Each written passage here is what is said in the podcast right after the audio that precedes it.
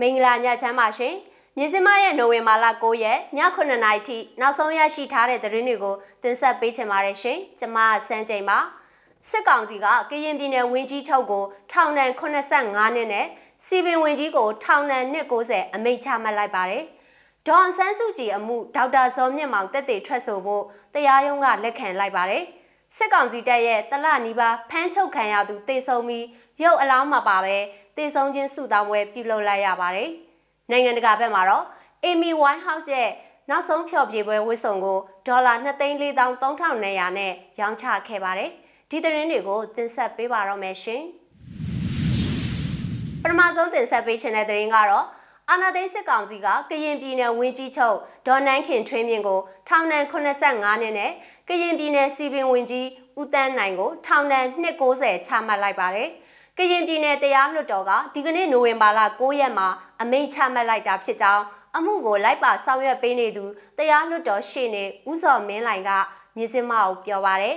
ကရင်ပြည်နယ်ဝင်ကြီးချုပ်ဒေါ်နန်းခင်ထွေးမြင့်ကိုအာဂတိလိုက်စားမှုဥပဒေပုံမှန်55နဲ့အမှု9ခုခွဲပြီးတော့တရားစွဲဆိုထားတာဖြစ်ပြီးအမှုတစ်ခုကိုအမြင့်ဆုံးထောင်ဒဏ်15နှစ်စီနဲ့စုစုပေါင်းအလုတ်ကျန်းတဲ့ထောင်ဒဏ်85နှစ်စစ်ကောင်စီကအမိန့်ချမှတ်လိုက်တာဖြစ်ပါတယ်။ အလားတူပြည်내စီပင်ဝင်ကြီးဦးတန်းနိုင်ကိုလည်းအဂတိလိုက်စားမှုဥပဒေပုံမှန်နဲ့အမှု6ခုနဲ့စစ်ကောင်စီကတရားစွဲဆိုခဲ့တာဖြစ်ပြီးတော့အမှုတစ်ခုကိုအမြင့်ဆုံးထောင်ဒဏ်15နှစ်စီနဲ့စုစုပေါင်းအလုတ်ကျန်းတဲ့ထောင်ဒဏ်290ချမှတ်လိုက်တာဖြစ်ပါတယ်။ဒေါ်နန်းခင်ထွေးမြင့်ကိုဆွဲထားတဲ့အဂတိလိုက်စားမှုပုံမှန်နဲ့ငားမှုကိုတမှုစီကိုထောင်ဒဏ်15နှစ်နဲ့ဒေါ်နန်းခင်ထွေးမြင့်ကစုစုပေါင်း85နှစ် စီပင်ဝင်ကြီးဦးတန်းနိုင်ကအဂတိလိုက်စားမှုပုံမှန်နဲ့ဆွဲထားတာ6မှုရှိတယ်။တမှုကို15နှစ်နဲ့290လို့တရားလွှတ်တော်ရှေ့နေဦးစောမင်းလိုင်က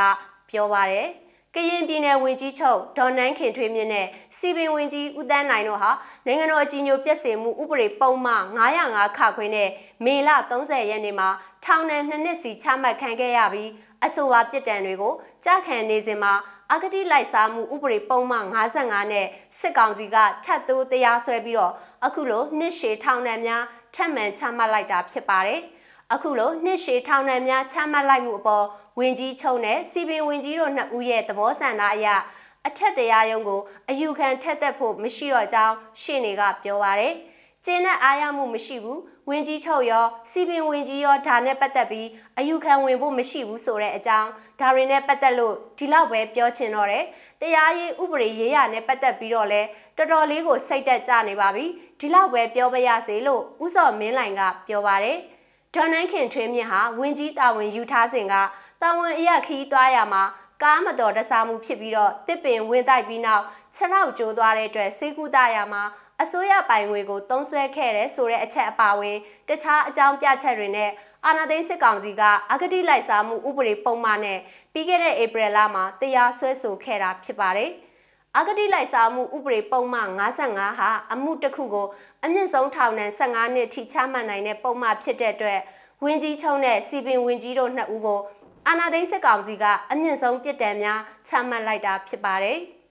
စစ်တပ်ကအယက်သားအစိုးရထံကအထမအာဏာသိမ်းယူပြီးနောက်ကရင်ပြည်နယ်ဝင်ကြီးချုပ်ဒေါ်နန်းခင်ထွေးမြင့်နဲ့ဝင်ကြီးလေးဦးကိုအာဏာသိမ်းစစ်ကောင်စီကဖမ်းဆီးထိန်းသိမ်းခဲ့ပါတယ်။ဒေါ်နန်းခင်ထွေးမြင့်ကိုဖမ်းဆီးပြီးနောက်တရက်ဖေဖော်ဝါရီလ2ရက်နေ့မှာစစ်တပ်ကပြန်လည်လွှတ်ပေးခဲ့ပေမဲ့လည်းရက်ပိုင်းအကြာဖေဖော်ဝါရီလ10ရက်နေ့မှာထပ်မံဖမ်းဆီးပြီးတော့ဖမ်းအံကျင်းထောင်မှာထိန်းသိမ်းထားတာဖြစ်ပါတယ်။ဝင်းကြီးချုပ်ဒေါ်နန်းခင်ထွေးမြင့်ဟာလက်ရှိမှာအသက်68နှစ်ရှိပြီဖြစ်ပါတယ်။ စီပင်ဝင်ကြီးဦးတန်းနိုင်ကအစောပိုင်းကာလမှာ COVID-19 ရောဂါကူးစက်ခံရပေမဲ့လည်းလက်ရှိမှာသူတို့နှစ်ဦးလုံးကျန်းမာရေးကောင်းမွန်လျက်ရှိပါတယ်ရှင်။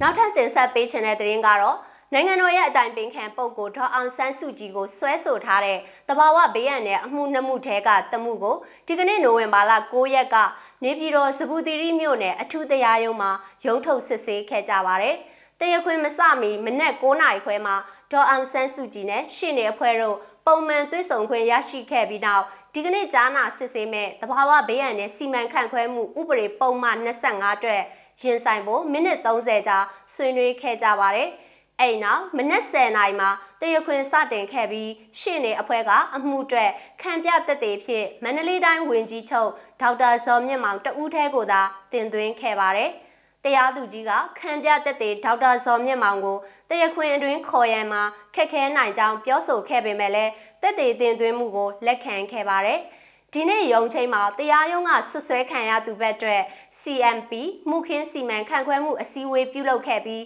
အစည်းအဝေးဆုံးဖြတ်ချက်အရနိုဝင်ဘာ16ရက်နေ့မှာတက်တဲ့အဖြစ်ဒေါ်အောင်ဆန်းစုကြည်ကို၎င်းနိုဝင်ဘာ23ရက်မှာခံပြတက်တဲ့အဖြစ်တင်သွင်းထားတဲ့ဒေါက်တာဇော်မြင့်မောင်ကို၎င်းစစ်ဆေးမှာဖြစ်ပြီးတော့ဒီဇင်ဘာလ9ရက်မှာနောက်ဆုံးလျှောက်လဲချက်များပေးပြီးနောက်ဒီဇင်ဘာ14ရက်နေ့မှာအမှုအတွက်အပိသက်အမိန့်စီရင်ချမှတ်မှာဖြစ်ပါတယ်။ ဒီနေ့မှာပုံမှန်စစ်ဆေးနေတဲ့စူပူအောင်လှုံ့ဆော်မှု905ခခွေအမှုအတွက်ပြီးခဲ့တဲ့ရုံချင်းကတပတ်ကျော်နိုဝင်ဘာ16ရက်နေ့ကိုရွှေ့ဆိုင်းထားတာကြောင့်ဒီကနေ့ကြားနာမှုမှာမပါဝင်ဘူးလို့ဆိုပါတယ်။နိုင်ငံတော်ရဲ့အတိုင်ပင်ခံပုဂ္ဂိုလ်ဒေါ်အောင်ဆန်းစုကြည်ကိုဆွဲဆိုထားတဲ့အမှုတွေထဲကတဘာဝဘေးရန်နဲ့စီမံခန့်ခွဲမှုအမှုနှစ်ခုရှိတဲ့ထဲကတမှုနဲ့ ပုတ်ကုံသွင်းကုန်အမှုဆက်သွယ်ရေးဥပဒေပုံမှန်တို့အတွက်မနေ့ကနိုဝင်ဘာ10ရက်ကလည်းရုံးထုတ်စစ်ဆေးခဲ့ပါသေးတယ်။အဲ့ဒီအမှုတွေအတွက်ထောင်ဒဏ်20ချမှတ်ခံထားရပြီးအိုးဘိုထောင်တွင်ရောက်ရှိနေတဲ့အမျိုးသားဒီမိုကရေစီအဖွဲ့ချုပ်နာယကဦးဝင်းထိန်ကခံပြတက်တဲ့ဖြစ်လာရောက်ထွက်ဆိုခဲ့ပါတယ်။ တရားရုံးကဦးဝင်းထိန်ကိုခံပြတက်တဲ့ဖြစ်စစ်ဆေးရမှာဒေါ်အောင်ဆန်းစုကြည်အနေနဲ့အပြစ်မရှိကြောင်းထွက်ဆိုခဲ့တယ်လို့ရှင်းနေအဖွဲ့နဲ့နီးစပ်သူအတိုင်းဝိုင်းစီကသိရပါဗျ။နိုင်ငံတော်အတိုင်ပင်ခံပုဂ္ဂိုလ်ဒေါ်အောင်ဆန်းစုကြည်အပါအဝင်စစ်ကောင်စီကဖမ်းဆီးထိန်းသိမ်းထားတဲ့နိုင်ငံခေါင်းဆောင်တွေဖြစ်တဲ့သမရဦးဝင်းမြင့်နဲ့ဒေါက်တာမျိုးအောင်တို့လည်းကျမ်းမာရေးအထူးကောင်းမွန်တယ်လို့သိရပါတယ်ရှင်။ဟာခါမျိုးကတည်းနဲ့ဆက်ချင်ပါတယ်။ ချင်းပြည်နယ်ဟာခမြို့စစ်ကောင်စီတပ်မှတလနီးပါးဖမ်းချုပ်ထားတဲ့ကလေး၃ယောက်ဖခင်ပူရယ်ကျုံ24နှစ်ဟာတေဆုံးသွားပြီးမိသားစုဝင်ကရုပ်အလောင်းမပါပဲတေဆုံးချင်းစုတောင်းပွဲပြုလုပ်ရကြောင်းဒေသခံတွေစီကသိရပါဗျ။ပြီးခဲ့တဲ့အောက်တိုဘာလ12ရက်ကဟာခမြို့ပြင်နီယန်လွန်ထန်ရွာမှာဖမ်းဆီးခံရတဲ့ပူရယ်ကျုံဟာဖမ်းဆီးခံရတဲ့နေကစားလို့မိသားစုနဲ့အဆက်အသွယ်ပြတ်တောက်နေတာဖြစ်ပါတယ်။ သူတည်သွားပြီဆိုတာမနေ့ကနိုဝင်ဘာလ10ရက်မနက်ကသိရတယ်လို့မိသားစုဝင်နဲ့နီးစပ်သူတို့ကပြောပါရယ်တည်ဆုံးသွားတဲ့ပူရတ်ကြုံရဲ့နာရီဝမ်းနဲ့အပွေဖွဲဆူတောင်းခြင်းအစီအစဉ်ကိုရုပ်အလောင်းမပါပဲမနေ့ကနိုဝင်ဘာလ10ရက်ညပိုင်းကပြုလုပ်ခဲ့ကြတယ်လို့သူကဆိုပါရယ်ပြီးခဲ့တဲ့မေလကလည်းဟာခါမြို့မှာရှိတဲ့စစ်ကောင်စီတပ်ကဖမ်းဆီးထားတဲ့ဦးတလဲလိန်58နှစ်နဲ့ ဦးခမ်းမွေ28နှစ်တို့နှစ်ဦးတေဆုံးခဲ့ပြီးအလောင်းဖျောက်ပစ်ခဲ့တဲ့ဖြစ်ရပ်ဖြစ်ပွားခဲ့ပါသေးတယ်ရှင်။နိုင်ငံတကာဘက်မှာတော့အီမီဝိုင်းဆောက်ရဲ့နောက်ဆုံးဖျော်ဖြေပွဲဝတ်စုံကိုဒေါ်လာ2,4300နဲ့ရောင်းချခဲ့တဲ့သတင်းကိုလည်းကြည့်ရှုနားဆင်ကြရအောင်ပါရှင်။ At Julian's we just sold the dress so so so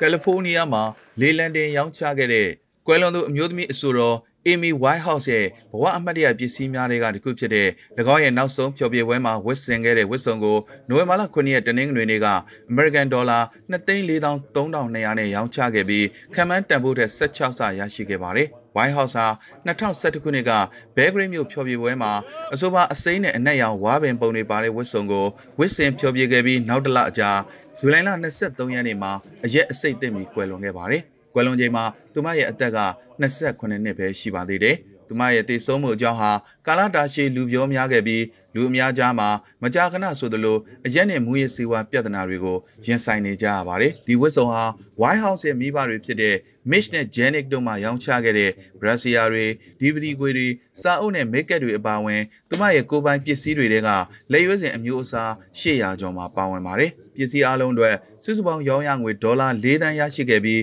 မူလခံမှန်းထားတာတဲ့နှစ်ဆပုံမှုရရှိခဲ့တာဖြစ်ကြောင်းပြီးခဲ့တဲ့စနေတနင်္ဂနွေနှစ်ရက်တာအတွင်းတာဝန်ယူရောင်းချခဲ့တဲ့လေလံကုမ္ပဏီဂျူလီယန်ကဆိုပါတယ်တကယ့်ကိုတကဘာလုံးမှာဒီပစ္စည်းတချို့ကိုပိုင်ဆိုင်လိုတဲ့ပြည်သက်တွေထားရှိပြသလိုတဲ့ပြတိုက်တွေနဲ့အမှတ်တရသိမ်းစည်းထားလိုတဲ့စုဆောင်းသူတွေအများကြီးရှိနေပြီးသူမရဲ့အမွေနဲ့နဲ့သူမရဲ့အမှတ်တရတွေကိုရှင်းတန်နေအောင်ထိမ့်သိမ်းလိုတဲ့ဆန္ဒလည်းပြေဝအောင် တစ်ချိန်တည်းမှာပဲဒီကရတဲ့ငွေတွေကိုသူမအတွက်ရည်စူးပြီးဖောင်ဒေးရှင်းတစ်ခုကိုလှူဒန်းသွားမှာဖြစ်ကြောင်းဂျူလီယန်လေလံပွဲကျင်းပသူမာတင်နိုလန်ကဆိုပါတယ်။ရရှိတဲ့ငွေများကိုအရက်နဲ့မွေးစိတ်ဆွဲလန်းမှုဒဏ်ကိုရုန်းကန်နေရတဲ့လူငယ်လူရွယ်တွေကိုပံ့ပိုးပေးနေတဲ့ Amy Whitehouse Foundation ကိုလှူဒန်းသွားမှာဖြစ်ပါတယ်။ဒီဝတ်စုံတွေအားလုံးကကြော်ကြားတဲ့ဂီတပညာရှင်နဲ့တေးရေးအဆိုတော်တူဦးဖြစ်တဲ့အပြင် fashion icon တူဦးလည်းဖြစ်တဲ့ Amy ကိုကိုစားပြုပါတယ်လို့ Nolan ကဆိုပါတယ်။သူမရဲ့2006ခုနှစ်က Back to Black album ကိုခေတ်သစ်ဂန်ဝင် album အဖြစ် သတ်မှတ်ခြင်းခံရတဲ့ Grammy များဆုရှင် Whitehouse ဟာ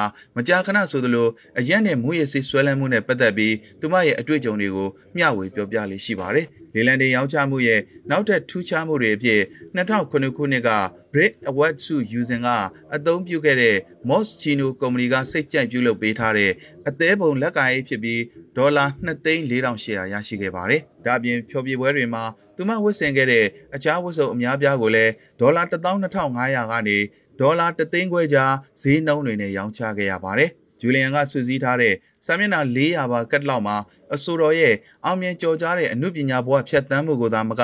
fashion icon ဦးဖြစ်လာစေခဲ့တဲ့သူမရဲ့ထူးခြားတဲ့ retro style fashion ပုံစံတွေကိုတွေ့မြင်ကြရမှာဖြစ်ပါတယ်။မြစမရဲ့နိုဝင်ဘာလ9ရက်ည9:00နာရီထိနောက်ဆုံးရရှိထားတဲ့သတင်းတွေကိုတင်ဆက်ပေးခဲ့တာပါ ကြည့်ရှုအားပေးတဲ့အတွက်ကျေးဇူးထူးတင်ရှိပါတယ်မြမပြည်သူတွေဘေးရန်နဲ့ပေါင်းကကင်းဝေးကြပါစေရှင်